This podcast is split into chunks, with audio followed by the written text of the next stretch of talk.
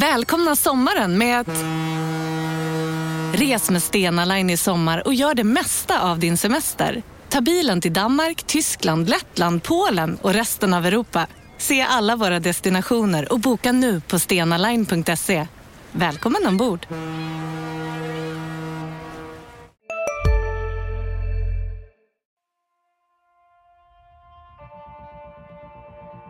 De kan skriva mina citat innan jag ens säger dem. Så eh, där har vi en dialog. Vi, vi, vi har ambitionen att det ska vara klart eh, ganska snart. kommer man att se en mycket spännande fortsatt utveckling. Hur vi ska utveckla GIF Sundsvall. Vi, vi, har en spännande utvecklingsresa. Mycket spännande utveckling. Han var klok nog att välja Sundsvall som nästa utvecklingsmöjlighet. Det är en spännande lösning.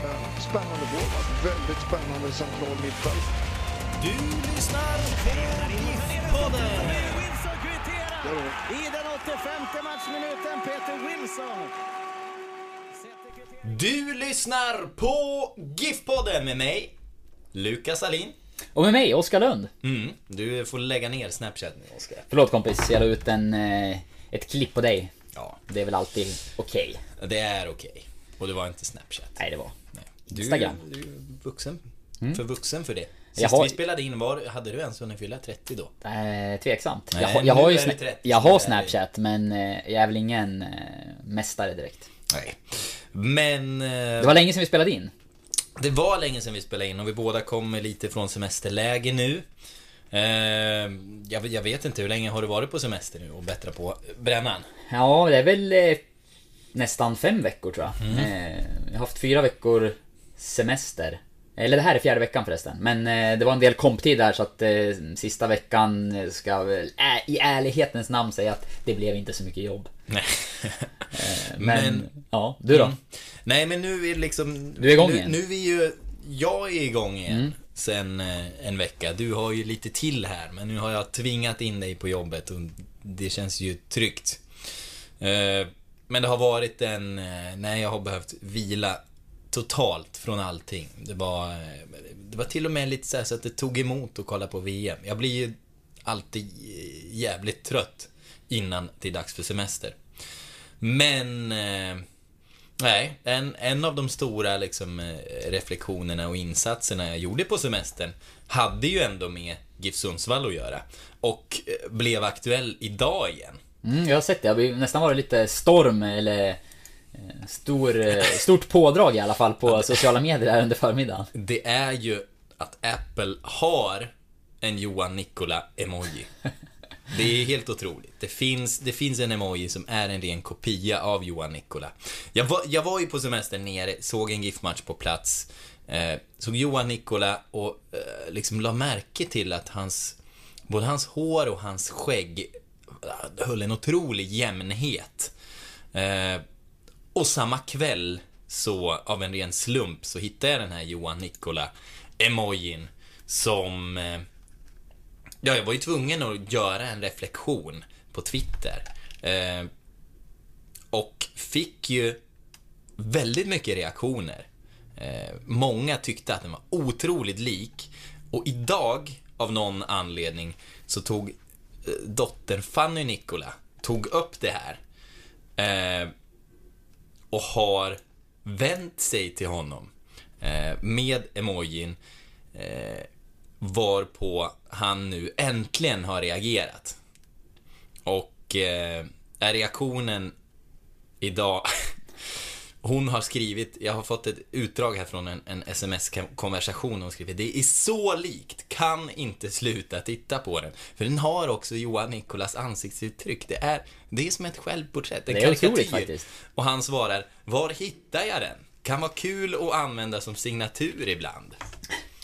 Man ser ju framför sig nu när eh, Johan Nikola ska skicka något viktigt eh, mail eller sms till någon på förbundet. Eh, och sen avslutar han med sin egen signatur.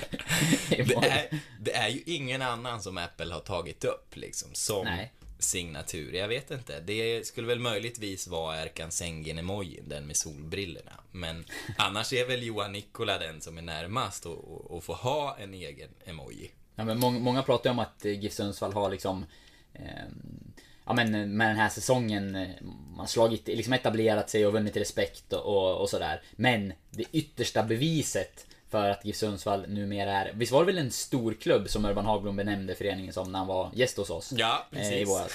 Det här måste vara det, det slutgiltiga beviset som GIF Sundsvall kan lägga fram, eller Urban då i diskussioner. GIF Sundsvall är en stor klubb. Deras ordförande har liksom eh, ja, slagit sig hela vägen in till Apples eh, huvudkontor när de sitter och designar de där. Ja, det är fint. Efter att vi har pratat om att de har varit i liksom en medial skugga. Mm. Efter hånen där från, från Ekvall och, och Klabbe i podden Tilläggstid. Så kommer nu äntligen erkännandet. Och det är Johan Nikola personligen som, som Slår får tillbaka. det. Ja. Nej, det är och han starkt. hade, han hade, det hade tagit... Eh, hade tagit två dagar för honom att svara på eh, dottern Fannys eh, meddelande med emojin innan han hade svarat natten till idag då, 01.13. Känns bra att göra avtryck i världshistorien. Och den här Erkan Sengin-emojin. Eh, och det var efter det som han bad om hjälp. Ja, det är, det är, ändå, Och- det är en riktigt, det är en riktigt bra spaning av dig också, det måste jag säga. Du, du har hittat någonting här. Ja, den här eh, får, eh, får kanske retweeta mig själv nu för att, för att göra den här aktuell igen. Har du lagt ut, i samband med att vi eh, twittrar om eh, podden så får vi väl också såklart skriva under med Johan Nikolas signatur. Ja, Eh, Så att alla får se hur, hur den ser ut. ja det tycker jag. Eh, nej, viktig reflektion. Eh, annars så har... Eh, det är ju faktiskt lite fint också. Jag har ju... Jag återkommer ju ibland till eh, mina barn. De har ju verkligen börjat... De har ju börjat ta till sig av att jag följer GIF Sundsvall och när det, när det liksom är dags för match, jag har ju under VM gjort det till en ritual egentligen när Sverige spelade. Men för dem, för dem har det ju innan bara funnits eh, egentligen ett lag och det är laget i stan och det har varit GIF Sundsvall. För det är då vi liksom hela familjen har suttit och kollat på fotboll. Men nu när Sverige spelade och jag verkligen ville få, nu måste jag verkligen få se matcherna här. Så vi har gjort det till en ritual att då är det, då är det picknick på vardagsrumsgolvet, vi rullar chokladbollar och äter jordgubbar. Eh, och nu var det bara här i veckan faktiskt. Och eh, utan att det hade kommit på tal. Utan jag hade, jag hade kommit hem från jobbet. Eh, det var en måndag, Giffarna spelade inte match med min äldsta dotter så att Pappa, om Giffarna spelar ikväll, då kan vi väl göra chokladbollar. Så att det finns, det har börjat, jag har byggt upp, jag har ändå byggt upp någonting positivt här runt Giffarna. Eh, att barnen ska vilja, eh, de, de tar liksom till sig evenemanget. Så, eh, så nu längtar de ju till matcherna. Du är ju något på spåren där också. Vi har ju pratat väldigt mycket om eh, publiksiffror och hur GIF Sundsvall ska engagera och så vidare. Eh, Det kanske är chokladbollsrullning på Mm. Ja, matchdagar som vara så. Nej, men det, det är väl så man får till, eh, får dit unga. De är ju inte ett dugg intresserade av, eh, av fotbollen, men bygger man någonting positivt runt upplevelsen runt fotbollen, eh, så är det, jag kan tänka mig att det är så man, man får dit de verkligt unga och, och, och gör det till en vana och dyka upp igen. Absolut, Nej, men det kommer man väl ihåg själv när man gick på fotboll när man var riktigt liten. Man kanske inte förstod innebörden av matchen man var på. Jag vet att jag var på någon landskamp när jag var väldigt ung sådär. Men man kanske fick en halsduk eller det var något matchprogram eller som du säger något eh, fika eller liknande. Någonting som gjorde att eh, det var en häftig grej att, att gå på fotboll om man hittade någonting som man liksom ja, associerade till det på något vis. Och sen så har väl fot, såklart fotbollsintresset tagit av. Och så kanske det kan vara för för många barn att det börjar med någonting som gör att det är kul att gå dit och att det är en happening och sen så eh, ju äldre man blir ju mer förstår man att eh, spelet fotboll är faktiskt eh, fantastiskt och för mig personligen så räcker det med en bra fotbollsmatch. Jag behöver inte ha så mycket runt omkring. Men om man vill nå den, den stora massan så måste det ju vara mer än, mer än fotbollen och eh, det har ju du, eh, du har ju verkligen i, hittat rätt i, till din målgrupp. Nu är den väldigt specifik. det, men Ja, den, är, två man det kanske inte når den breda massan i chokladbollsrullningen. Jag vet inte. Jag hade nog i och för sig köpt det. Ja, Det är nej. gott med chokladbollar. Alltså. Chokladbollar kan du ju inte liksom nej tacka. Nej. nej. nej. Det Och det är havregryn. Jag är uppe på en otrolig, otroligt intake av havregryn just nu. Ja, det är bra. Både jag och barnen. Så att det... Ja. styrka med nöje. Det... eh, Men och, och, det är väl ungefär det liksom... Det fotbollsintake jag har haft under semestern. Eh, Det har varit liksom underhåll. Det har varit GIF Sundsvall och VM, men framförallt Sveriges matcher. Ja, Men, jag, det, har, men det, har, det, tar, det tar emot under semestertider när man eh, jobbar med sport så pass mycket. Det tar liksom bort lite av, eh, av nöjet med, med idrott på det sättet, tycker jag. Så det kan vara skönt att pausa ifrån. Absolut. Även om det är någonting man eh, älskar att ha omkring sig. Ja, jag håller med. Jag såg ju, följde VM i jobbet tills eh, Sverige åkte ut. Eh, men sen så, jag var faktiskt ganska mätt på, på VM också. Även det är klart jag såg slutspelsmatchen och sådär men det var inte med den där kanske superpassionen som, utan jag zonade faktiskt ut där under några matcherna kände jag. Och, ja, det kanske hängde ihop med det du sa, man var rätt slutkörd innan man går på, på ledighet. Sen nu har jag tyckt att det har varit superkul när eh, Allsvenskan har startat upp igen och sett en hel del matcher på TV där. Eh, var på plats och sett eh, GIF hemma också. Inte mot Norrköping, var inte där. Jag såg på, på TV eh, delar av matchen. Eh, men eh, matchen innan, nu får du hjälpa mig här. Det var ju mot... Eh, jag såg AIK på plats. Och sen så var det ju... Det är inte Djurgården vi är nere på nu. Ja, vilken hemmamatch hade vi för eh, Norrköping? Det är det här jag är så dålig på. Ja, men vad? Nu står det still här. Ja, det här är, det Då var jag på plats i alla fall. uppstår en mycket pinsam tystnad. Men det här har ju alltid varit lite av poddens svaga sida. Ja, men det är bra. Det ska inte- det ska inte vara så- tillbaka i tiden. Vi är här och nu. Ja. Eh, Men jag har sett en del andra lag också på, på TV och det har varit riktigt kul. Och nu är man ju supertaggad när, om vi pratar fotboll på att Premier League ska sätta igång. Och det gör ju på, på fredag redan.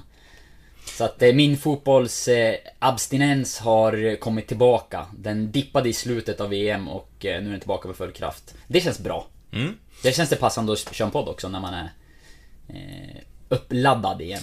Ja, man behöver den där längtan för att få tillbaks det. Jo, spelschemat har varit så. Det var ju Norrköping sist. Innan det så var det Djurgården borta. Det var Kalmar borta. Och sen var det AIK. Ja, det var endast en AIK, ja precis. Ja, men då var det AIK satt jag på, var jag där ledig och sagt på läktarplats. Sen har det blivit TV-soffan på de, de senare matcherna.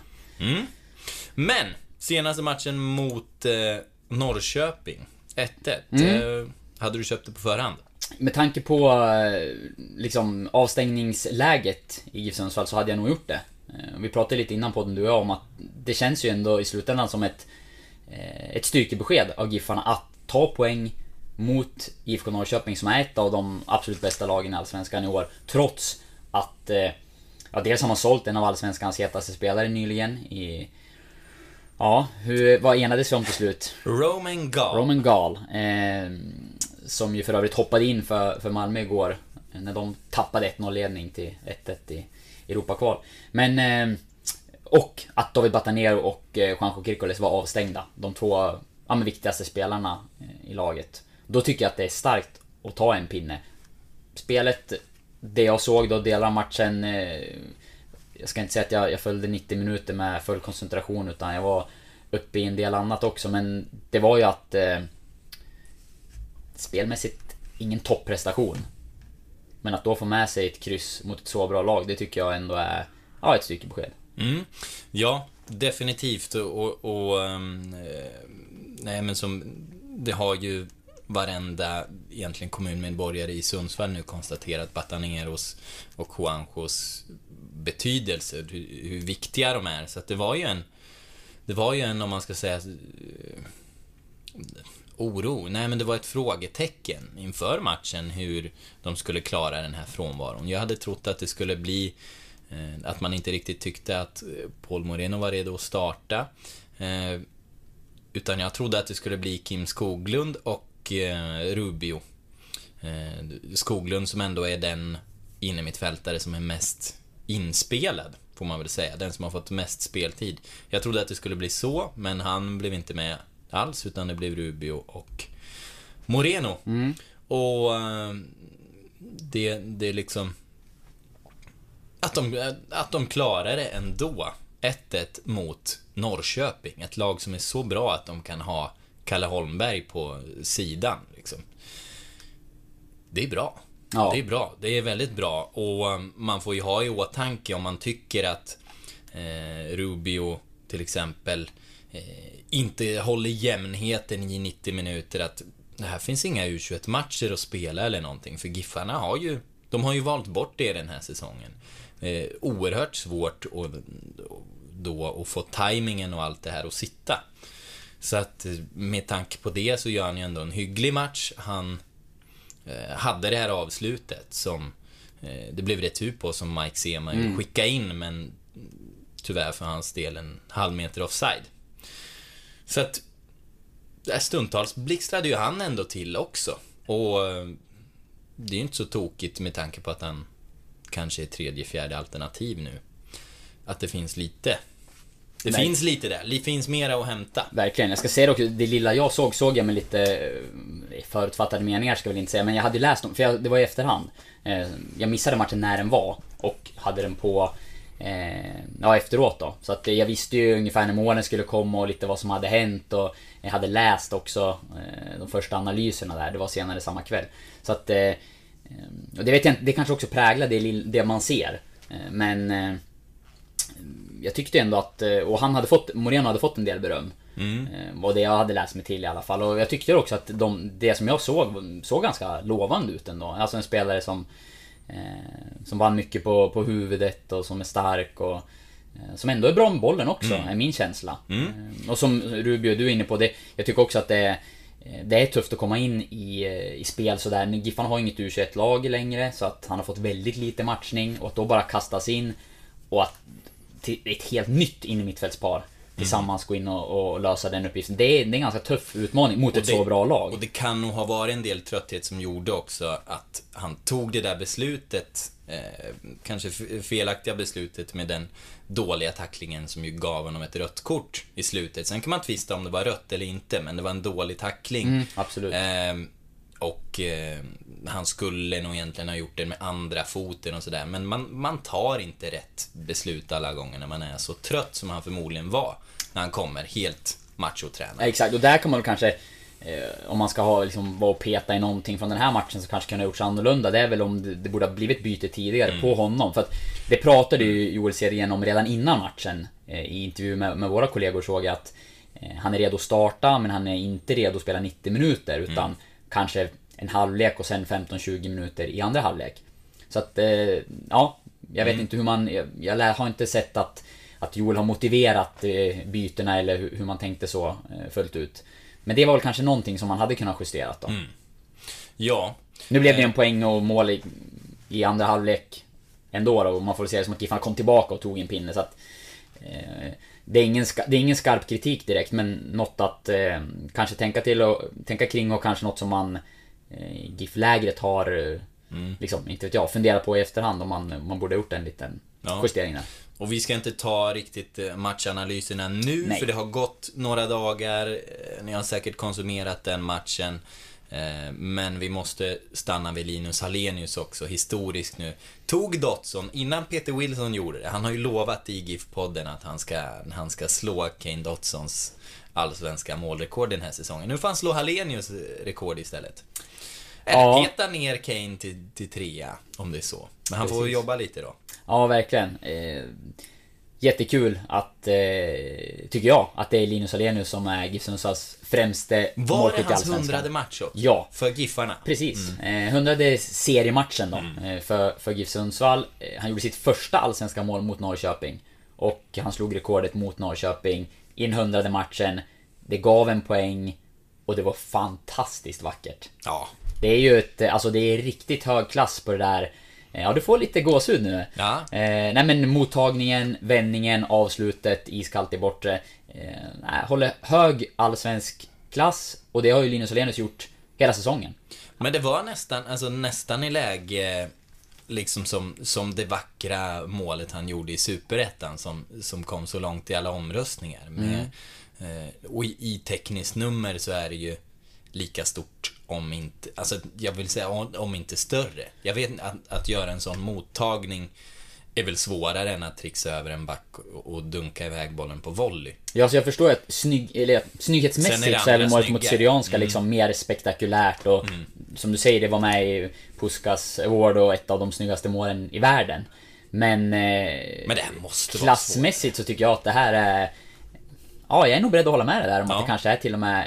eh, Och man gillar ju det där liksom cleana avslutet. Mottagningen vänder upp Mm. och han, han sa det själv i intervjun hörde jag att Ja. han bombar ju ofta och går på kraft och har ett stenhårt avslut. Men det gör ju ibland också att han... Som han gjorde när han var en kalv mot Ja, Syrianska. men ibland kan de där skotten gå över eller utanför. Eh, William Eskelin hade varit på eh, Hallenius och sagt att eh, placera dem hellre oftare liksom. Eh, kolla vart målvakten inte står så här. Och det gjorde han ju verkligen nu. Så att det, det kändes som ett, ett liksom en hög, ett, ett tekniskt svårt nummer. Och som avslutas med ett, liksom, ett iskallt avslut av en eh, rutinerad målskytt liksom. Så att eh, han... Eh, eh, nej, det var... eh, Det var Hallenius 2.0 kanske då, som Ja, jag skrev i, i texten här efter att han hade slagit rekordet. Ehm, En mognadsprocess. Ja, Eh, det kommer man ju tillbaka till med honom. ja man gör ju det. Eh, jag har också skrivit samma sak egentligen. Att, eh, det var väl förra säsongen som jag skrev en krönika där till Sundsvalls Nyheter. Att eh, det känns som en annan person som, som kommer hit jämfört, eller som, som, ja, som kom hit jämfört med när han drog senast. Och det var väl också det ni pratade om en del. Mm, absolut. Och dels tycker jag, liksom, Linus Hallenius när han kom fram, eh, och redan innan han kom fram så... Eh, vi, det skiljer ett, jag är ett år äldre än honom. Han, hade, han spelade ofta med de som var äldre, så man hade full koll på honom under liksom alla uppväxtår. Det var ju den klart största talangen i fotbollsmedelpad. Och det kändes ju helt givet att han skulle bli elitspelare och att han kunde gå i princip hur långt som helst. För att han hade alla, alla verktyg och var... Eh, ja men, eh, mer eller mindre överlägsen. Eh, när, I de yngre åldrarna. Han kom upp i A-laget, han var egentligen bra på en gång och liksom visade framfötterna och... Eh, man såg att det var en, en oslipad diamant. Sen skar det sig ju lite grann med GIF Sundsvall där med kontraktsförlängning och... Ja, han ville iväg och kände sig lite missförstådd och sådär. Eh, och det hade ju kunnat bli en, ett väldigt tråkigt slut på en lokal kille med liksom fantastiska fotbollskvaliteter och att han... Det såg ganska länge ut ändå som att han inte skulle komma tillbaka. Utan det var Hammarby och det var utlandsäventyr och... Ja, det lät många gånger på honom tyckte jag, eh, när, man pratade med honom som att, nej, nej, nej, inte aktuellt. Nej, som, jag- att det var, som att det låg väldigt långt bort att att komma hem. Nej, det, det, det var ju ingen eh, liksom, jättebra relation utan det var ju lite struligt då när han lämnade och det levde ju säkert kvar under ganska, ganska lång tid. Eh, Så därför känns det ju någonstans extra fint att eh, liksom, han och klubben har hittat tillbaka till varandra. Han kommer hem och det var ju en väldigt stukad Linus Alenius som kom tillbaka till GIF Sundsvall också efter eh, Ja men dels utlandssessionen som inte blev som man hade tänkt sig och sen återkomst till Sverige där det inte heller eh, klickade och sen liksom faller allt på plats i GIF Sundsvall med en spelare som, eller en tränare som han tidigare har varit lagkamrat med eh, och liksom han får bära kaptensbindeln och, och verkligen leda det här laget och nu känns det som att eh, han har blivit profet i sin, sin egen hemstad och det är inte, det är inte så många som blir. Men, men han har ju verkligen förtjänat det med att han, han kombinerar den här, han är en jätteduktig fotbollsspelare som kan prestera liksom, ja men göra snygga mål och, och blir den mest allsvenska målskytten i, i, i sitt lag. Men han jobbar ju framförallt stenhårt på planen, han är en ledare, han brinner för föreningen, han... Ja, han gör så mycket mer än att, än att bara spela liksom, bra fotboll. Och den fotbollen han spelar, det är också någon sorts kombination av den här unga teknikern som liksom kunde tunnla och skjuta krysset. Med en, eh, en anfallare som är smart, tuff och, eh, och tar egentligen bra beslut i stort sett hela tiden. Ja, han är ju en spelare som verkligen står för någonting nu och liksom står för det här eh, rena inom fotbollen. Dels det, liksom, du har ju det att han kom, när han kom i tidiga år, jättemycket talang. Eh, men han har ju också förädlat den här talangen och hållit liv i den här talangen och hållit en utveckling i den trots att han har varit skadad. Så du kan ju ändå inte säga att han är, han är här där han är bara för att han är en talang, utan han är ju också en träningsprodukt. Eh, han, att han har det tekniska, men en enorm fysisk, eh, liksom fysiska förmågor. Att han är snabb och stark och kan springa hur mycket som helst. Och också gör det. Och använder det och, och gör det hårda jobbet varje match och är en pådrivare. det känns som att han, han vill hålla sig på topp i, i, alla möjliga, alla olika förmågor som han har. Eh, och ska man komma ihåg att spela med en sån fysik som han har, det kräver ju också en väldig noggrannhet då när du har en så, så stor muskelmassa att underhålla och samtidigt en så eh, slitsam spelstil som både ger och tar smällar och tar oerhört många löpmeter. Eh, det är slitsamt för kroppen. Det kräver mycket av återhämtning. Det kräver mycket av sömn och, och, och liksom den här återhämtningsträningen. Så att det är ju det är ett stort jobb han lägger ner och samtidigt orkar ha energin att vara en lagspelare. Det är ju, han är ju någonting stort just nu. Han är ju som en enda stor, liksom, pumpande GIF Sundsvall-muskel. Ja, verkligen. Och han, är, han är häftig och sen samtidigt att han står för, eh, var inne på det, det rena, men det här eh, känns ju som att han görs ju väldigt älskvärd när han eh, i matchen mot Djurgården här förmodligen hade kunnat få straff. Eh, med Jonas Olsson som ryggsäck eh, så sköt han ju högt över på något som annars hade varit ett givet mål med tanke på vilken avslutare han är just nu. Eh, men berättar efteråt att jag är inte sån. Jag hatar folk som är såna, som lägger sig ner. Liksom. Och eh, det här gör ju att han växer. Jag har, eh, jag, jag, har någon, någon krönika som folk gärna petar på mig för. Det har skrivit att jag beundrar goda filmare. Och det gör jag fortfarande, men jag beundrar ju ännu mer någon som som, som kan vara den här typen. Du, du vinner ju kanske inte matcher på att stå upp, men eh, och bevisligen så, så kostade det ju Giffarna eh, någon poäng här mot Djurgården. Och, eh, eh, men däremot så vinner han ju otroligt många hjärtan. Och eh, det väcker ju liv i frågan och debatten om eh, videodomare till exempel. Videogranskning, borde vi ha det i svensk fotboll? Eh, jag tycker det. Jag tycker inte man ska vara så teknikrädd. Eh, det hade ju inneburit i det här fallet att den ärliga spelaren hade vunnit förmodligen om vi hade haft videogranskning i svensk fotboll. Eh, nu blev han en förlorare för att han var ärlig, men hade han varit oärlig och lagt sig, då hade han varit en vinnare.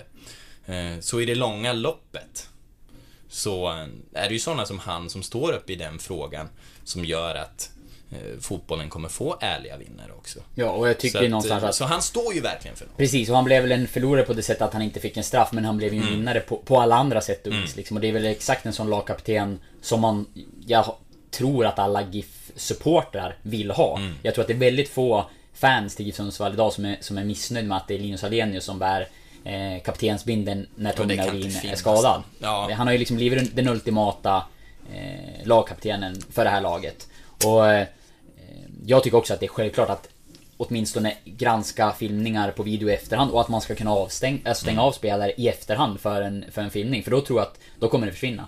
Eh, jag tror att det är det enda som biter. Att du vet att du som spelare, om jag filmar, jag blir avstängd, jag missar matcher. Det är ju det sista man vill. Mm. Eh, så att jag, jag, tror att det är den, den vägen man ska gå. Det pratades ju om efter den här matchen. Ja. Eh, tack vare att Linus Herrenius valde att stå och valde att liksom uttala sig på det sätt han gjorde. Ja. För att han är ju, han är ju skarp ofta. Mm. I, och våga tycka och, och, tänka och ha åsikter. Det vet vi ju inte minst när han var här i podden. Vi, vi gjorde två avsnitt. för att det fanns så mycket att prata om och han hade mycket att säga. Eh, och det, det tycker jag är bra.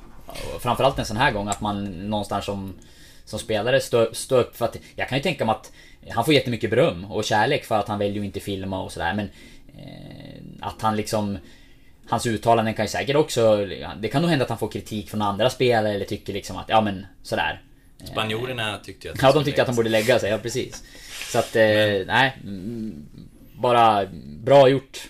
Såklart. Ja, och, och jag, jag och, är på ditt spår.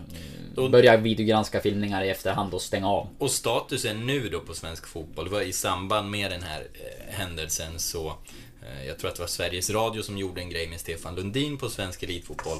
Och då är status att man kollar på Danmark där man idag har ett eh, provar ett system den här säsongen där man kan i efterhand dela ut avstängningar motsvarande vad det skulle ha gett på planen. Eh, men just när det kommer till att filma, som vanligtvis ger gult kort, då ska du kunna få avstängningar ändå. Även om du bara hade gett ett gult på planen så mm. kan du få en avstängning i efterhand. Eh, speciellt om ditt lag har dragit stor fördel av filmningen. Så att eh, det är ett bra sätt för att skrämma bort filmarna. Mm. Absolut. Absolut. Jag vill bara peta in det när det gäller Linus Arrhenius. Jag tycker det är häftigt. Liksom hans... Eh, ja men den här resan har vi varit inne på hur, hur att det är väl hans utveckling och liksom att det skar sig med Giffarna, han kom tillbaka och det har blivit en kärlekshistoria och att nu är han kapten, eh, älskad av supportrarna, har rekord, spelat 100 matcher. Eh, det är ju, det är ju jättehäftigt. Det är en historia i sig som är, som är läcker. Det är också, mer kanske allmänt med det här tycker jag är häftigt med honom, det är att han visar att man som... Eh, ja men, eh, att man inte behöver vara superung för att fortsätta utvecklas och fortsätta ta steg. Alltså, han tycker själv att han har sin bästa tid som fotbollsspelare nu. Det är inte så konstigt, han är egentligen kanske i sin bästa ålder. Men han kommer ju också från flera säsonger där det har varit betydligt tyngre. Och att liksom kunna ta de här stegen han har gjort. Eh, och jag tycker att det syns att han har utvecklat liksom en fotbollssmartness som är större än tidigare. Eh, han har berättat själv att han pratar mycket med tränarna om rörelsemönster och eh, ja, när man ska ta emot, spela på ett eller två tillslag. Alltså helheten fotboll pratar han själv om att han ser på ett annat sätt och jag tycker också att det syns. Eh, och både han och, vi kan ju ta Padiba som ett annat exempel, en spelare som har exploderat i år och, och fick ett stort kontrakt i, i Kina efter det. Eh, visar liksom att med, ja men är man dedikerad och verkligen vill eh, det är två spelare som verkligen vill och brinner för, för att bli bättre och för att liksom eh, Dibba har snackats om tränade jättemycket extra med de unga spelarna i Hammarby under vintern. Fotbollsträning. Och tog jättestora steg. Linus Alenius eh, karaktär och vilja har vi också snackat jättemycket om. Och han fortsätter att bli bara bättre och bättre. Eh, jag tycker att det är, liksom, det är, en, eh, det är någonting att ta med sig och att eh, prata om att bara för att en spelare har fyllt, eh, ja i Dibbas fall är det väl 30 och Hallenius är 29. Mm. fyller 30 under nästa år. Så kan man bli bättre. Man kan fortsätta ta steg och man kan liksom explodera på ett sätt Även, även i den åldern. Och det, det är kanske något som supportrar ska min, ha med sig när det gäller värvningar och, och spela, att en spelare inte är slut och så, Men även klubbar. Mm. Att, ja, för det var inte alla... Det var ju liksom inte eh, entydigt att alla uppskattade att Linus Hallenius kom tillbaka till Giffarna. Liksom, han har varit i klubbar där han har haft eh, lite schism i Helsingborg och inte lyckats riktigt i Hammarby. Alltså, eh, det var, inte, det var inte helt självklart. Många såg nog honom som förbrukad. Men, Absolut. men han har ju verkligen visat allt annat och vad, vad lite förtroende och, och vilja kan, kan göra. Eh, Absolut, och det, jag tycker också det visar på, om vi ska fortsätta hitta, hitta liksom faktorer till att det har gått bra, så eh, ledarskapet som han ju själv berömmer i stort sett varje gång när han får frågor om det här, att han var nära att sluta och liksom eh, hade ledsnat på fotbollen och det hade gått tungt. Eh, det är ju ledarskapet han berömmer till stor del. Och det är väl också värt att, lyfta fram det arbete som ledarstaben i GIF Sundsvall med, med Joel Serien och Ferhan Sibila i spetsen har, eh, har lagt ner och gjort tillsammans med, med Linus Alenius. Liksom. Det är ju klart, han har, han har gjort ett fantastiskt jobb själv men de har ju också gett honom en del nycklar säkert. Mm. Eh, och jobbat med honom och, och liksom fått honom att växa. Eh, och, och liksom kanske framförallt skapa en miljö tror jag som passar honom bra. För att det har han också snackat om, att hur han är som person och att eh, han gillar att kunna vara med och liksom få ha åsikter och komma med idéer och göra sin röst hörd. Eh, behöver inte alltid vara så att det ska gå liksom exakt på hans linje, men att man i alla fall får vara med och tycka och tänka och komma med förslag och vara en del av processen. Något som jag tror att han saknade i tidigare klubbar. Men som här liksom snarare kanske har uppmuntrats. Mm. Det är väl också en, en del att lyfta fram och jag tror att man ska tillskriva ledarteamet eh, en ganska stor del i att han har kunnat gjort, liksom, tagit, gjort den här resan. Sen är det ju hans, hans egna prestationer som är den, stora liksom, anledningen. Men eh, de, har, de har tillåtit honom att, att växa liksom, och hjälpt honom tror jag att komma tillbaka och hitta rätt. Precis, och det är väl hela den där kombinationen av, av liksom både individualism och, och lag känsla som han bär på som, som kanske gör att han klickar så bra just med, med det här förtroendet. Att det, det är inte antingen laget eller jag, utan att, att han har kunnat växa på, på båda sidor. Mm.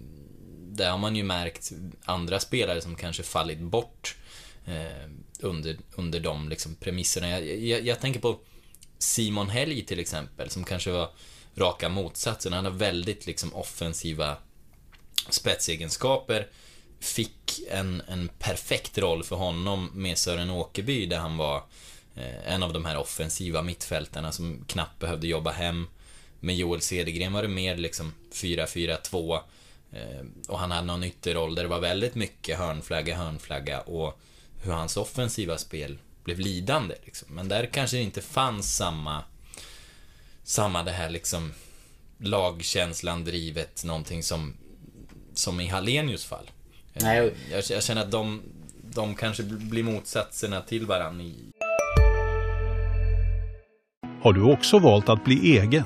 Då är det viktigt att skaffa en bra företagsförsäkring. Hos oss är alla småföretag stora och inga frågor för små. Swedeas företagsförsäkring är anpassad för mindre företag och täcker även sånt som din hemförsäkring inte täcker. Gå in på swedea.se företag och jämför själv. Om en så vidde på väg till dig för att du råkar ljuga från kollega om att du också hade en och innan du visste ordet av du hem kollegan på middag och... Då finns det flera smarta sätt att beställa hem din sous på. Som till våra paketboxar till exempel. Hälsningar Postnord.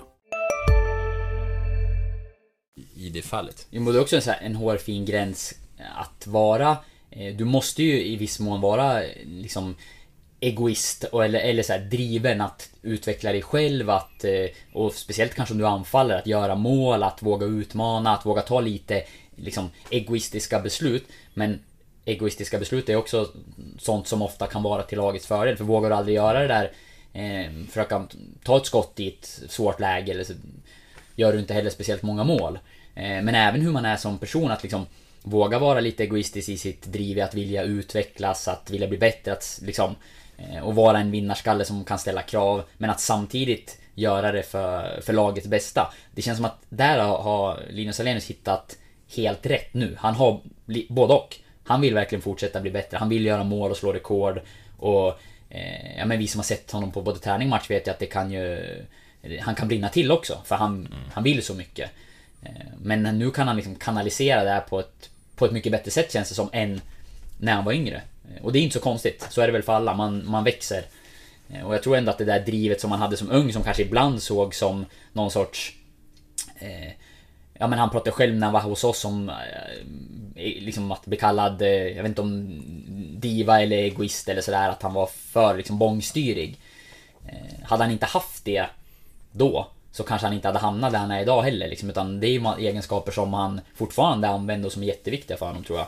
Men att han liksom har hittat nycklar för att det ska gynna både honom och laget på, på bästa sätt. Och Ja, han, han har ju varit med om mycket i sin... och mognat. Ja men precis, och han har ju varit med om väldigt mycket i sin fotbollskarriär också som säkert har varit jobbigt. Eh, liksom tung tid i Italien och, och även återkomst till Sverige liksom. Men som jag tror eh, är, ändå är jättevärdefulla erfarenheter när det gäller att vara en, en kapten och liksom lotsa unga spelare framåt och, och även i hur han själv eh, liksom ska tänka i både med och motgång sådär. Alla de här liksom tuffare upplevelserna han har varit med om tror jag är mm, ganska viktiga. För att han ska kunna vara den, eh, den ledare och vad du sa, bultande GIF-muskeln som han är idag. Ja.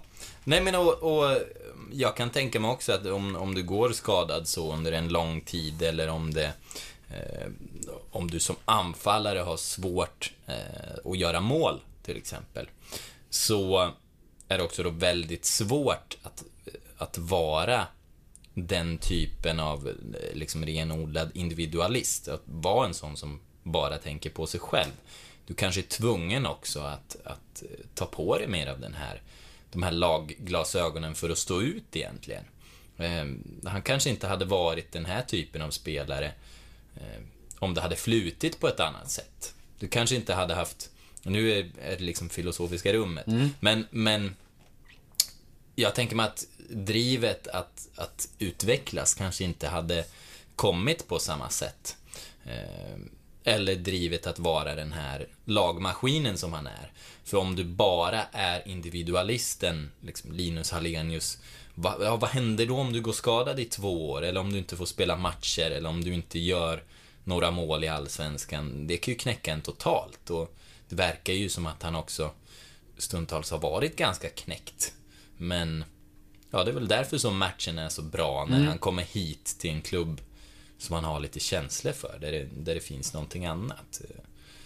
Absolut, och det att känns... han får, får växla och, växa och bli någonting annat. Ja, och det känns ju verkligen som att de där, de där känslorna bara har, har växt och växt nu också när, när han har fått kom, komma hem och har fått en kickstart, alltså startat om karriären och, och känt uppskattning i, i liksom en hemstad där han kanske var, ja men han har upplevt lite missförstådd tidigare då.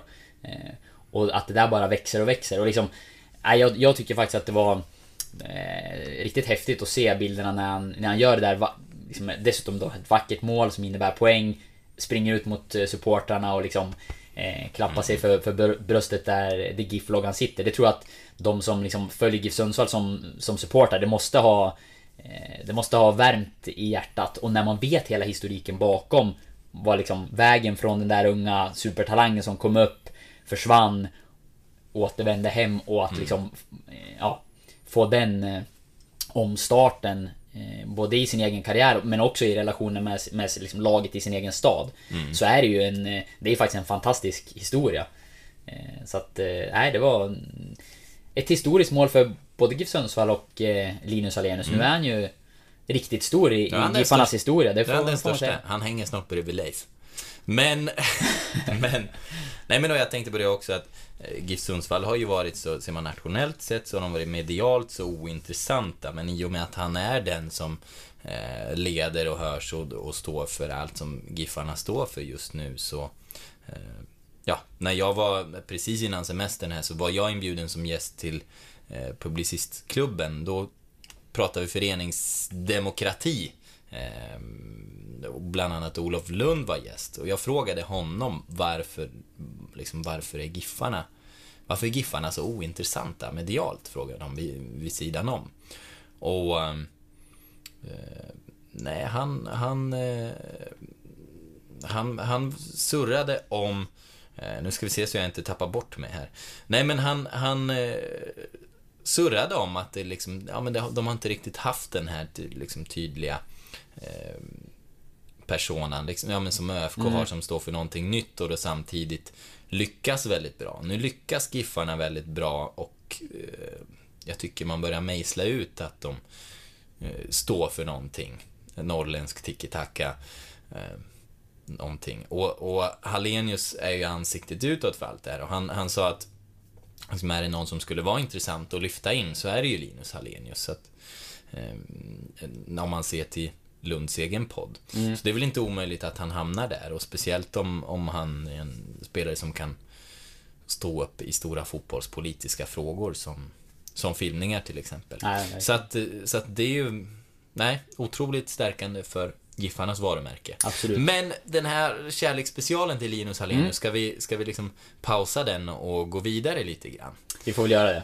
Vi pratade ju lite in i mitt fält också. Mm. Eh, när det rörde sig om den här matchen och eh, det för oss ju liksom mot transferfönstret, tycker jag. Paul Moreno är ju ny. Vi har eh, Aro Iniesta som ny. Vilket namn. Ja, skönt eh, att kunna säga att Iniesta spelar här. Jag skrev faktiskt, eh, då hade jag gått på den där eh, halvsemestern då, eller vad jag ska kalla det. Och spel, jag spelade inte golf, men jag, jag var och knackade niohåls, på en niohålsbana och harvade mig framåt. En minigolf. Nej, nej, en eh, korthålsbana menar jag. Sa jag? Sa Nej, jag du sa inte minigolf. Nej, okej. Det var jag som, På, på sjöns korthålsbana. Eh, så, jag som inte trodde dig. Nej, men- det, det är faktiskt sant. Men det, mina slag liknade kanske mer än eh, de som man slår på en minigolfbana, jag vet inte. Men i alla fall där så lyckades jag få fram att de här två spelarna eh, var på plats i Sundsvall och skulle bli klara. Eh, så jag skrev den där texten från mobilen, från golfbanan. Och när jag fick se namnet jag, jag tror att jag först bara läste David Haro och sen googlade och Iniesta dök upp. Så, så fattade man ju att eh, det här måste ju bara bli, en- bli en succé. Den succén har väl inte, den har väl uteblivit än så länge, han har inte fått spela så mycket men eh, Två spanska spelare in, Paul Moreno är den jag har hört, av naturliga skäl sett mest av då, eftersom att han har fått spela mer. Men också hört mest av. Eh, verkar ha imponerat på, på träningarna. Eh, stor, bra på huvudet, verkar vara en bra närkampsspelare, men också bra med bollen. Spelade ju mittback i Sabadell, samma klubb som eh, David Batanero och eh, Juanjo tidigare har spelat för. Ehm, men användes även ibland som, som innermittfältare där vet jag. Men man ser honom främst som, som mittback och det är det han spelar mest. Eh, Iniesta här vet jag mindre om men det är ju en offensiv spelare med bra teknik och ska vara duktig och kombinera som många av de här spanska spelarna är duktiga att hitta liksom samspel med, med sina medspelare och eh, kortpassningsspela sig framåt. Men vad var dina reflektioner då när de här kom till som Paul Moreno? Jag menar, det är ju, då hade man precis lånat ut, om jag minns rätt. Eh, jo, kronologiskt så hade de lånat ut Pirtijoki. Eh, vad ska de med honom till? Tänkte ja. du den tanken? Nej men jag tror att, eh, jag tror att Pirtijoki blev utlånad för att Moreno var på väg in. Mm. Eh, jag vet att Giffarna jobbade under ganska lång tid på att få hit honom var tidigt ute och det, var en spel, det är en spelare som de har sett på plats också. Ehm, vet inte vem som, jag skulle tro att det är Ferhan Sibila som, som har varit och tittat på honom live. Men det är en spelare som man ehm, verkligen har gått hårt för, som man verkligen ville ha. Ehm, så jag, jag, tror att man var ganska trygg i att få in honom när man eh, släppte iväg Pirtiuki. Eh, jag tror, och man ser honom som en mittback, en av de här tre. Men att han även kan, eh, som han gjorde nu då, vikariera som, som innermittfältare. Eh, och tittar vi på den positionen så är det väl Myrestam, Björkander, Gracia först och främst. Kim mm. Skoglund har varit där och vikarierat en del nu. Men känns som att Paul Moreno ja, kan nog nej, verkligen vara med och konkurrera om att ta den liksom första ersättarrollen. Men det är, jag tror att man... Det känns... Det jag har hört och de intryck jag har fått är att man från GIF Sundsvalls sida tror väldigt mycket på honom. Det är nog en tilltänkt startspelare inom en inte alltör... Ja, inte alltför långt bort. Mm. Eh, och, Iniesta vet jag mindre om, det känns ju... Ja, vi har ju sett honom och där eh, blir ju filmningsdebatten aktuell också. Nej, ja. nej men han fick en... Det var också en märklig aktion av eh, Jonas Olsson, tyckte jag. När Iniesta försöker passera med hög fart. Olsson är ute med en liksom vidutsträckt arm och täcker undan honom på ett helt onaturligt sätt. Ehm, Iniesta kommer med hög fart, det ser ut som han faller väldigt lätt. Men samtidigt ett märkligt sätt av Olsson att täcka upp bollen. Eh, och det är väl ungefär den sekvensen man minns mest, men det såg ju ut att vara en, en rapp kille. Han såg ganska...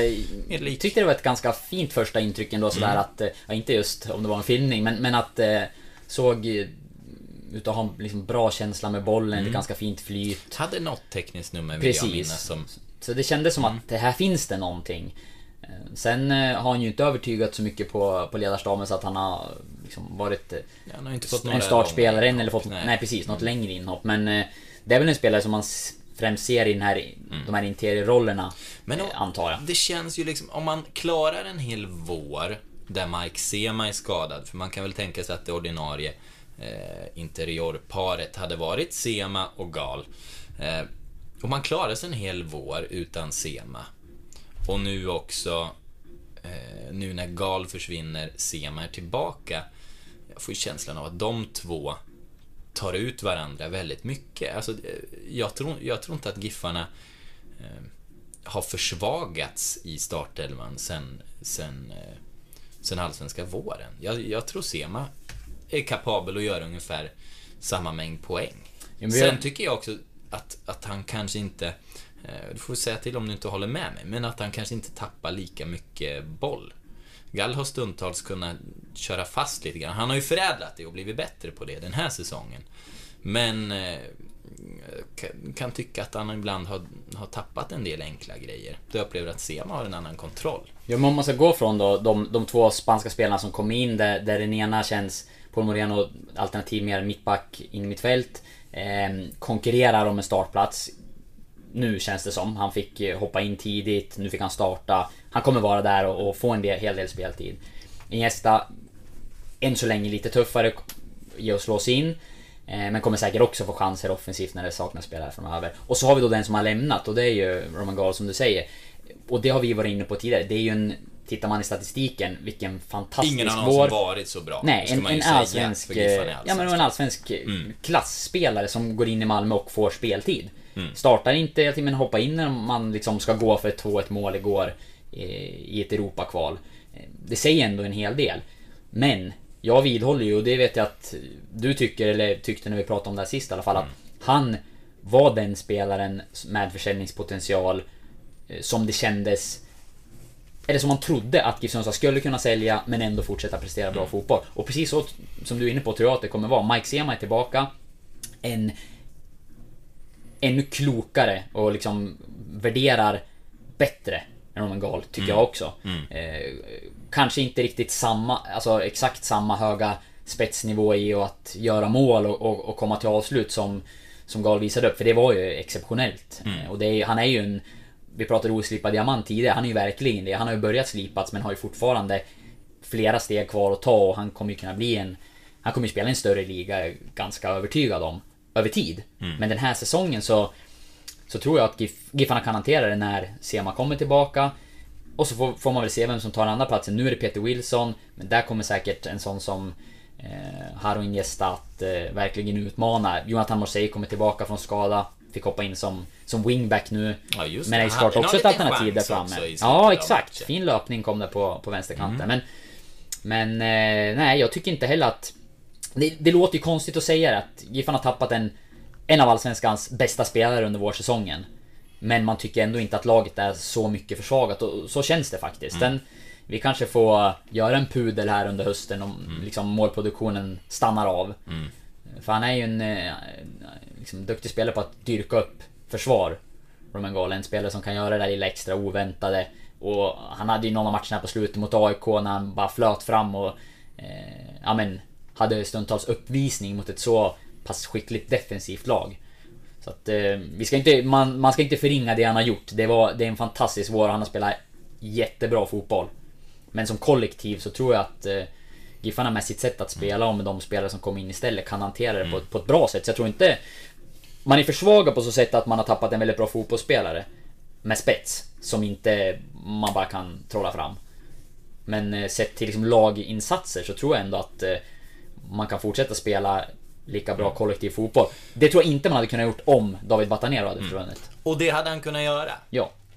Det var nära. Eller nära, men... Ja, men eh, det jag har hört är att Giffarna fick ett bud på honom. IFK Göteborg var ju väldigt intresserade och ville verkligen knyta till sig Batanero, vilket man kan förstå. Eh, Det har ju funnits intresse kring honom från andra ligor tidigare också. Klubbar i, Asien som haft koll och Eh, jag tror även att det är några större skandinaviska klubbar som har tittat ganska noga på honom. Eh, GIF ska ha fått bud men som var, tyckte de, alldeles för lågt. Och där tror jag att, nu vet inte jag några summor men att man har gjort helt rätt som har valt att behålla honom om det inte handlade om väldigt stora pengar och det verkar det inte ha gjort. För att tappa David Batanero hade varit någonting helt annat. För Galsumman har ju förmodligen eh, liksom räddat säsongens ekonomi på, på det sättet. Man hade ju klart med de här eh, med finansieringen ändå då, eh, vad det verkade. Men, men, men den har ju förmodligen gjort att man har haft råd att säga nej. Den summan Men kan man ju också och- diskutera om den var, om Ja, den var för låg och det har ja, ju... Det, det har du skrivit om också? Ja, för det är ju liksom... Man får ju komma ihåg här, eh, summan som... Det var väl Daniel Kristoffersson som skrev 5 miljoner eller något sånt. Eh, Urban Hagblom har sagt att, eh, att det är mer. Men eh, mer kan ju också innebära 6 miljoner eller att det är en vidareförsäljning eller så här. Jag... 6 miljoner är... Kring 6 miljoner är det jag har hört nu Ja. så här i efterhand när man har Ja. försökt eh, luska runt lite. Jag så, vet, det har är väl inget möjligt 100% att det stämmer men... Urban har väl försökt att peta in såna här vidareförsäljningsklausuler tidigare och det är väl inte omöjligt heller. Och skulle Nej, det Malmö då garanterat sälja, med Skulle. Malmö sälja honom för 20, ja då är det en affär som kanske är värd 10 miljoner i eh, det längre loppet. Och det är väl inte... Då är det väl inte så himla tokigt. Man får komma ihåg Giffarnas ekonomiska status, deras plats i näringskedjan i Allsvenskan, deras vana av att göra stora affärer är kanske inte liksom den största... Eh, någonstans blir det väl en stege att vandra längs. Nu sålde ju Dalkurd visserligen eh, Buya Toray för vad som har rapporterats var 20 miljoner. Vilket får sägas vara väldigt bra. Eh, ÖFK har ju gjort sina hyggliga försäljningar också. Men... Eh, det jag menar är att det... Jag vet jag, jag har inte liksom så mycket att anmärka på den här summan ändå med tanke på insatsen man själv har gjort. Eh, att han kommer gratis. Men däremot så måste de ju fortsätta och producera den här eh, den, den, de, de måste fortsätta jobba på det här sättet på marknaden. Mm. Om, Absolut. om det ska bli hållbart i längden. Se till att få betalt och få de här summorna betalda för de spelare som man, som man plockar upp. Och det blir, de sista säsongerna har det blivit en del Mm. försäljningar eh, Liksom Där det har handlat om ett antal miljoner och det, det är ju bra jobbat av Sundsvall, det måste man ju fortsätta med och jag tror att man också kan ta steg Jag menar, hamnar man högre upp i tabellen eh, Man har fler spelare som presterar bra, man kanske får en ekonomi som gör att man har råd att säga lite mer nej och ställa lite högre krav Eh, Man får ta de här små stegen och eh, kommer nog att kanske liksom kunna kräva mer och mer. För det är ju som du säger att man, man har sin plats i näringskedjan. Eh, Det går inte att, Sundsvall kan inte förvänta sig att få lika mycket betalt som eh, de större klubbarna som verkligen har möjlighet att säga nej och som har ekonomiska muskler att göra det. Det är ju, som du säger, risk, balansgången kanske hade varit att GIF inte hade hittat en, en lösning med en större klubb och Roman Gall hade blivit kvar. Om man inte hade fått in ett antal miljoner, då hade det kunnat äventyra föreningens framtid istället. Så att, ja, Sen utan det- att ha alla fakta ja. på bordet så liksom... Jag tyckte när man hörde summan att jag hade trott att det skulle kunna bli lite mer. Ja, Eh, men eh, det var det min- kan ju också bli lite mer. Det är svårt när man inte vet exakt hur mycket Det var procentsatsen ligger på min, vidareförsäljning min och så första tanke att liksom mer, men samtidigt kanske du kanske också har någon slags eh, utbud, efterfrågan och ta in bara i Allsvenskan cirkulerar det många bra spelare på den positionen som Malmö kanske hade kunnat jobba på. Liksom, spelare som Nahir Besara, jag tror, inte, jag tror inte han kostar så jättemycket mer än, än Roman. Men Och var det en 6 hög miljoner klass, eh, liksom. så är det ju en av de största försäljningarna GIF Sundsvall någonsin Ja. har gjort. Ja.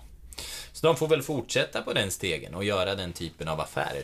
Men sälj ingen David Batanero. Nej, för då säljer man ju kanske hela, eh, liksom, eh, motorn. Ja, allting. ska man förtydliga vad, vad man menar med det där så eh, Det jag tänker i alla fall är att jag, jag tycker att Batanero är en så viktig del av GIF Sundsvalls helhet. Sättet man spelar fotboll på, hur man kan kombinera sig ur liksom fr- upp från egen plan halva och framåt. Han kan slå avgörande passningar. Eh, Han, han präglar liksom sättet att spela Hade på så Gal otroligt varit så mycket. bra om Smile Suljovic hade spelat där istället? Nej. Förmodligen inte. Nej, jag tror att ingen spelare i Sundsvall hade varit lika Nej. bra om... eh, Om lite så hade känns det. Sen David Ja. Batanero har ju också brister, det var jag inne på. eh, Liksom med snabbhet och försvarsspel och, och sådär. Han hade ju spelat i en annan liga om han hade haft de egenskaperna också. Men när det gäller fotbollshjärna och eh, passningsfot så är han ju... Eh, ligger han ju otroligt högt upp.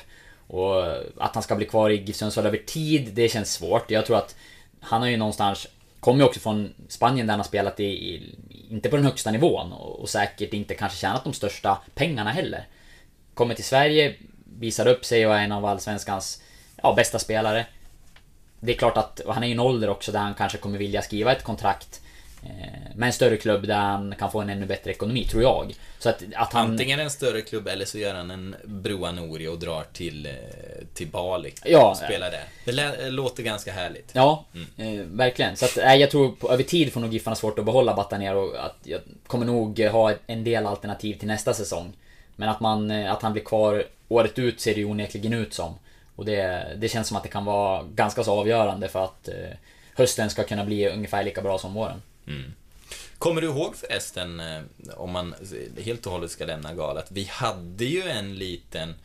Eh, när det började flyta för honom så hade vi ju ett litet snack. Vad skulle du sälja dem en gal Mm. för? Och jag provade några olika summor på dig. Och vi landade väl ungefär på 8 miljoner. Ja, det var kanske något sånt. Ja, nu minns jag inte säkert. rakt av, men det är väl ungefär vad jag... När man började tänka nu så tänkte man att det kanske skulle kunna landa där någonstans. Samtidigt så här, när det flyter för någon i Allsvenskan om man är typ 70-kung. Så mm, det är lätt att snegla mot 20. Ja. Ja, ja skitsamma. Vi eh, blir väl inte klokare i, i den frågan. Vi närmar oss en timme. Mm. Så vi eh, kanske ska börja avveckla oss, Oskar. Ska pe kan peta in kort bara om transferfönstret. Sargon Abraham blev ju klar för IFK Mm. Göteborg. Det är ju en spelare som GIF Sundsvall träffade. Eh, jag vet att man hade ett möte med honom för några veckor sedan. Vi skrev om intresset för honom då. Eh, GIF träffade honom och, och eh, ja, hade, träffade honom, berättade hur man såg på honom och hade ett snack. Och var klart intresserade. Men eh, jag vet inte om det gick vidare till några liksom, konkreta förhandlingar mellan klubbarna eller sådär. Men han valde ju då till slut IFK Göteborg i alla fall. Spännande liksom Verkligen. karriärbana på honom som någonstans kom från och egentligen vara en riktigt vass futsalspelare till att hamna i Degerfors. Eh, liksom provspelade i Degerfors. Efter att ha varit bra i, vad var det, division 2? Division Ja, 1, spelat i 2. lägre, Och- på lägre nivå i alla fall. Och, eh, och gör det. eh, Imponerar så pass att han får ett kontrakt och, och öser in mål direkt. Ja, häftigt. Och, eh, Synd att han inte kom hit. Man hade gärna berättat storyn om Ja. honom och suttit ner och pratat med honom lite grann. Eh, om det här, för det är ju en speciell resa. Och det gillar man ju, historier. Vi var inne på det tidigare med Linus Hallenius och eh, här kom det en annan med en, med en speciell bakgrund och historia och det... De vill man ju gärna berätta och få veta mer om men... Eh, ja, det blir IFK Göteborg och de tog honom då istället, kanske istället för Batanero så det kan ju alla GIF-fans eh, jubla åt. Eh, Ja. Jag tror att eh, de flesta hellre har kvar Batanero än att få in eh, Sargon Abraham, även om han känns som en spännande spelare. Just nu, status på transferfönstret, ser inte ut att bli något mer varken ut eller in. Eh, Är det... Jag har kunnat luska fram, sen kan det väl alltid hända något i sista sekund, men just nu verkar det inte som att Giffarna varken släpper iväg någon spelare på eh, de här sista dagarna, eller tar in någon. Så att det, så ser det ut idag. Nu ställer jag dig utan att du kanske är förberedd, men Erik Granat var ett tag på väg på lån till Färöarna. Mm. Eh, det- Vet, Det blev vad inget. hände med det spåret? Nej, det, det enda jag vet där var att, eh, att det inte blev något. Jag Mm. vet inte varför eller så, men det var ju ett... Det fanns ju ett konkret intresse därifrån att de ville ha honom i alla fall. Eh, Och det fanns någon sorts liten dialog vet jag, men... Eh, det gick inte vidare längre än så och... Jag tror inte att det är någon spelare som kommer bli utlånad heller. Alltså att det, det, det jag vet i dagsläget är väl att det inte är på väg att bli någon värvning eller att man är på väg att släppa någon på det sättet om det inte skulle komma något stort bud. Men jag har inte heller hört att det ska vara någon, någon ut eller inlåning nära. Det har ju blivit ett par här under, under sommaren när man... Piltiukker och bland annat som, som gick iväg. Och Sebastian Friman va? Mm, just det. Eh, som du, eh, ja, stämmer bra. Till eh, Hudiksvall. Ehm, fick prata med honom själv och det var ju, ehm, där hade du ju bristen på eh, på matchspel helt enkelt. Och, och ehm, nu får han hänga med Micke Bengtsson till Hudiksvall som jag har nära relation så att det på sätt och vis så känns ju det som eh, ett utlån men han får spela i en toppklubb som är på väg upp i division 1. Och det kanske inte, inte är så tokigt heller. Nej, jag kommer tror ju inte vara självskriven där men kommer ju att, att få lite matchspel och möjlighet till utveckling och det känns ju som att eh, Hudiksvall är en bro nu liksom till, till Giffarna. Det är många Giffare som och framförallt unga som eh, drar dit för att få speltid. Och då kan man ju se hur det, gick för, hur det går för sådana som Pontus Silver till exempel. Och det kan funka, det är en väg som kan funka. Absolut, och ska man titta på någonting, det är mycket positivt kring Sundsvall nu med all rätt, för de presterar bra fotboll och eh, går mot en jättestark säsong om det här håller i sig. Eh, men i truppen så är det ju ett antal spelare som skulle må bra av att få spela matcher. Jag vet att U21-serien inte är perfekt. Ibland kommer det rena juniorlag, ibland kommer det betydligt mer kvalificerade lag. Det kostar pengar att resa och det är liksom, nivån är varierande. Och ibland leder det till att A-laget kan få lite slitna spelare för att man har spelat i U21 eh, för nära in på en allsvensk match och sådär. Det- Det är en svår balansgång och jag har inget klockrent svar. Nej. Men jag tycker inte att det är någon optimal situation Nej. som GIF Sundsvall har idag. För att Nej, Ta Erik Granat som du nämnde, som, eh, som inte får någon speltid. Eh, det, är, det är klart att jag är övertygad om att match i någon miljö är bättre än ingen match. Och det, gäller- det finns ju fler spelare. Amaro Batiar hoppade väl in senast, men har ju också fått väldigt lite speltid. Och det finns ju spelare som har varit skadade, typ Jonathan Marseille, när man kom på väg in igen. Jag tror att U21-matcher, träningsmatcher, eh, kortare utlån. Alltså någon Har sorts du- matchmiljö hade varit bra för de här spelarna. Och har du spelare som Friman som har en ung ålder inne, han är så pass ung att eh, förklara han att där, där kan man ha en tvåvägslösning. Att eh, eh, om jag förstod det rätt, om jag minns rätt här, så ska Giffarna kunna använda honom ändå, fast han nu hör till Hudiksvall.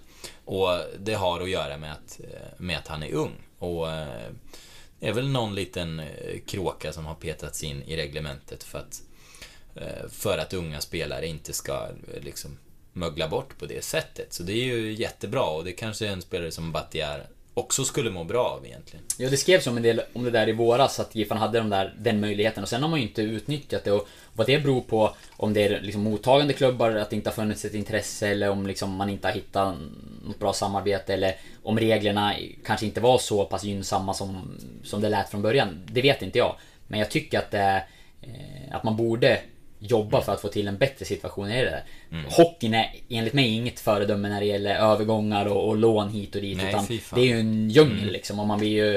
Eh, ja men, det är ju tröttsamt när det skickas spelare fram och tillbaka för en match hit eller dit ibland. Men samtidigt, alltså fördelarna blir ju att unga spelare känns som att de hamnar mindre i kläm där. Det finns alltid J20 matcher där man ju också kan plocka ner överåriga spelare på, på vissa sätt i alla fall och Lån går lätt. Liksom från ena dagen till den andra så kan det vara någonstans att spela. Och, som sagt, går inte den vägen fullt ut men det, jag tror att det är viktigt att man i svensk fotboll hittar någon sorts hybridlösning kanske. Eh, Och om den nu finns, eller åtminstone lite bättre i år än tidigare, det jag också har förstått. Använd den! Ja, och, och tittar du på Hudiksvall så är det Micke Bengtsson är också utbildad i eh, det ekonometod och spelsystemet och Hudiksvall spelar på ett liknande sätt. Så att eh, så det, är, det är ju jättebra. Där kommer Friman till ett lag som han vet precis hur de spelar och kommer vara med i det från dag ett. Även om han kommer få spela in sig han också och inte är självskriven så, så kan han konkurrera på eh, rätt villkor. Liksom.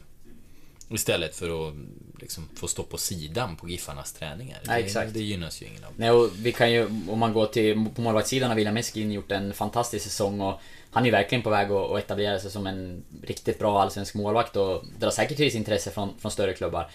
Se att man åker på en målvaktsskada. Där har du en spelare som spelar varenda minut. Och så ska du göra ett byte och så får du sätta in en, en målvakt som kanske inte har spelat match på, ja, jag vet inte hur länge. Det är ju verkligen ingen optimal eh, situation. Så att, eh, nej. Det är någonting att eh, fundera på. Kanske något vi kan ta upp framöver och, och prata med, med klubben om eller Kanske sådär. Micke Bengtsson är en potentiell eh, gäst här Ja, varför inte? också. Få prata Giffarna ur ett Hudiksvallskt perspektiv. Det vore intressant.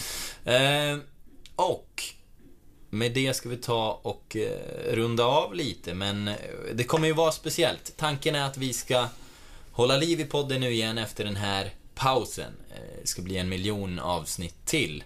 Men eh, det kommer den närmsta tiden inte vara så som vi känner den. För du kommer inte vara här, Oskar. Nej, precis. Det blir en liten eh, annorlunda lösning. Vi har ju haft...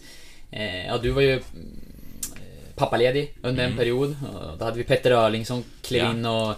Eh, från U21-serien. Nu har han- känna på hetluften i A-laget. Nu har han gått vidare och gått längre. Ja, nu, är exakt. han, eh, nu är han TV-ankare i, i, eh, i Sportnytt istället. Vi kanske kan ha med honom som gäst någon gång, men det blir svårt att ha honom med kontinuerligt. Ja. Eh, jag hoppas ju kunna vara med kontinuerligt. Det är ju min ambition. Så länge du, du kommer ju vara eh, verkligen bossen för det här nu. Men eh, jag vill ju vara med varje avsnitt, så jag hoppas ju att du Ja. kommer bjuda in mig. Jag kommer ju inte befinna mig här. Jag kommer ju vara i, i Schweiz under, under vintern.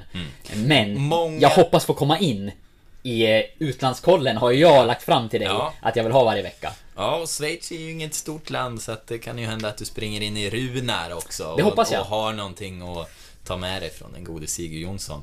Jag har faktiskt på De krokarna är eh, utlagda och... Eh, ja, transferfönstret har inte stängt än, men jag har sett att han har spelat här under inledningen. De går ganska tungt laget. Men så länge han blir kvar så då ska jag absolut se till att det blir någon form av läsning och kanske poddmaterial eh, med Runa Sigurd Jonsson i, i Zürich, Grasshoppers. Mm. Och eh, många kommer ju undra nu, Oskar, vad du ska göra i Schweiz. Jag vet att du inte vill Du vill inte prata så högt om det, men du får, du får ändå berätta i all hast, Oskar. Absolut. Det är ju en, det är en fotbollspodd och en GIF-podd så eh, jag, jag vill ju hålla fokus på det så mycket det bara går. Men jag ska vara i Schweiz eh, från och med nästa vecka och under vintern och jag ska eh, spela innebandy och träna ett eh, juniorlag där också. Sen kommer det säkert bli en del jobb, det är ju lite oklart än så länge. Men jag kommer vara tjänstledig fram till eh, våren. Sen hoppas jag ändå att jag ska kunna leverera lite material. Dels genom att få vara med i podden med dig. Eh, att jag får liksom ge mitt perspektiv från att följa eh, GIF Sundsvall Allsvenskan, eh, ja men mer på avstånd under de här månaderna. Det har jag inte gjort på ganska länge, så det blir nytt för mig. Eh, men sen kan det säkert också bli en del, en del texter och, och reportage, hoppas jag. Mm. Att jag ska kunna bjuda på någonting, typ Runar Sigurd Jonsson och... Är det någon annan som har något tips på någon mittmedia eh, person eller ja, det kan ju vara någon intressant person i övrigt som, som vi kan, eh, som jag skulle kunna träffa så får man ju jättegärna höra av sig. Mm. Eh, jag kommer ju ha, förhoppningsvis ha lite tid över till att kunna skriva. Så ja. att, jag hoppas hålla igång det. Så hör av er om ni har något, något förslag. Vi kommer med andra ord inte stå i samma rum, men vi ska eh, göra vårt bästa ändå. Och eh, det kan ju också göra faktiskt att eh, det finns fler möjligheter för podden vad gäller att eh, vad gäller flexibilitet. Kanske kan podden tas ut på resande fot när, när eh, det bara är en person. Så, ähm, jag vet inte, vi kanske rent av lyfter podden utan, utan dig. Nej. Jobbig nej, vi, avslutning. Vi får se. Ja, Gråtande skriver Vi konstaterar att du inte platsar längre. Nej, Oskar, jag älskar dig. Vi, eh, vi rundar av. Vi gör det. Med de orden. Och eh, det blev en, en lång kärleksförklaring till Linus Hallenius i den här podden då. Det tycker jag att han är väl värd. Mm historisk som han är. Mm. Wow. Vackert. Tack. Hej. Hej.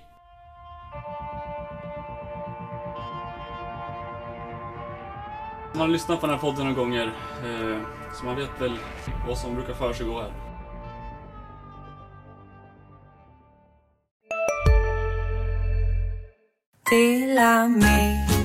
Hej!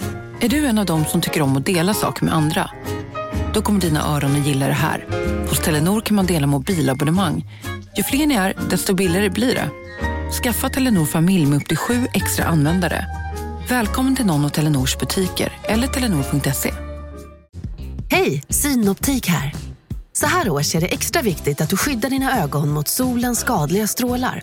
Därför får du just nu 50% på ett par solglasögon i din styrka när du köper glasögon hos oss på Synoptik. Boka tid och läs mer på synoptik.se. Välkommen!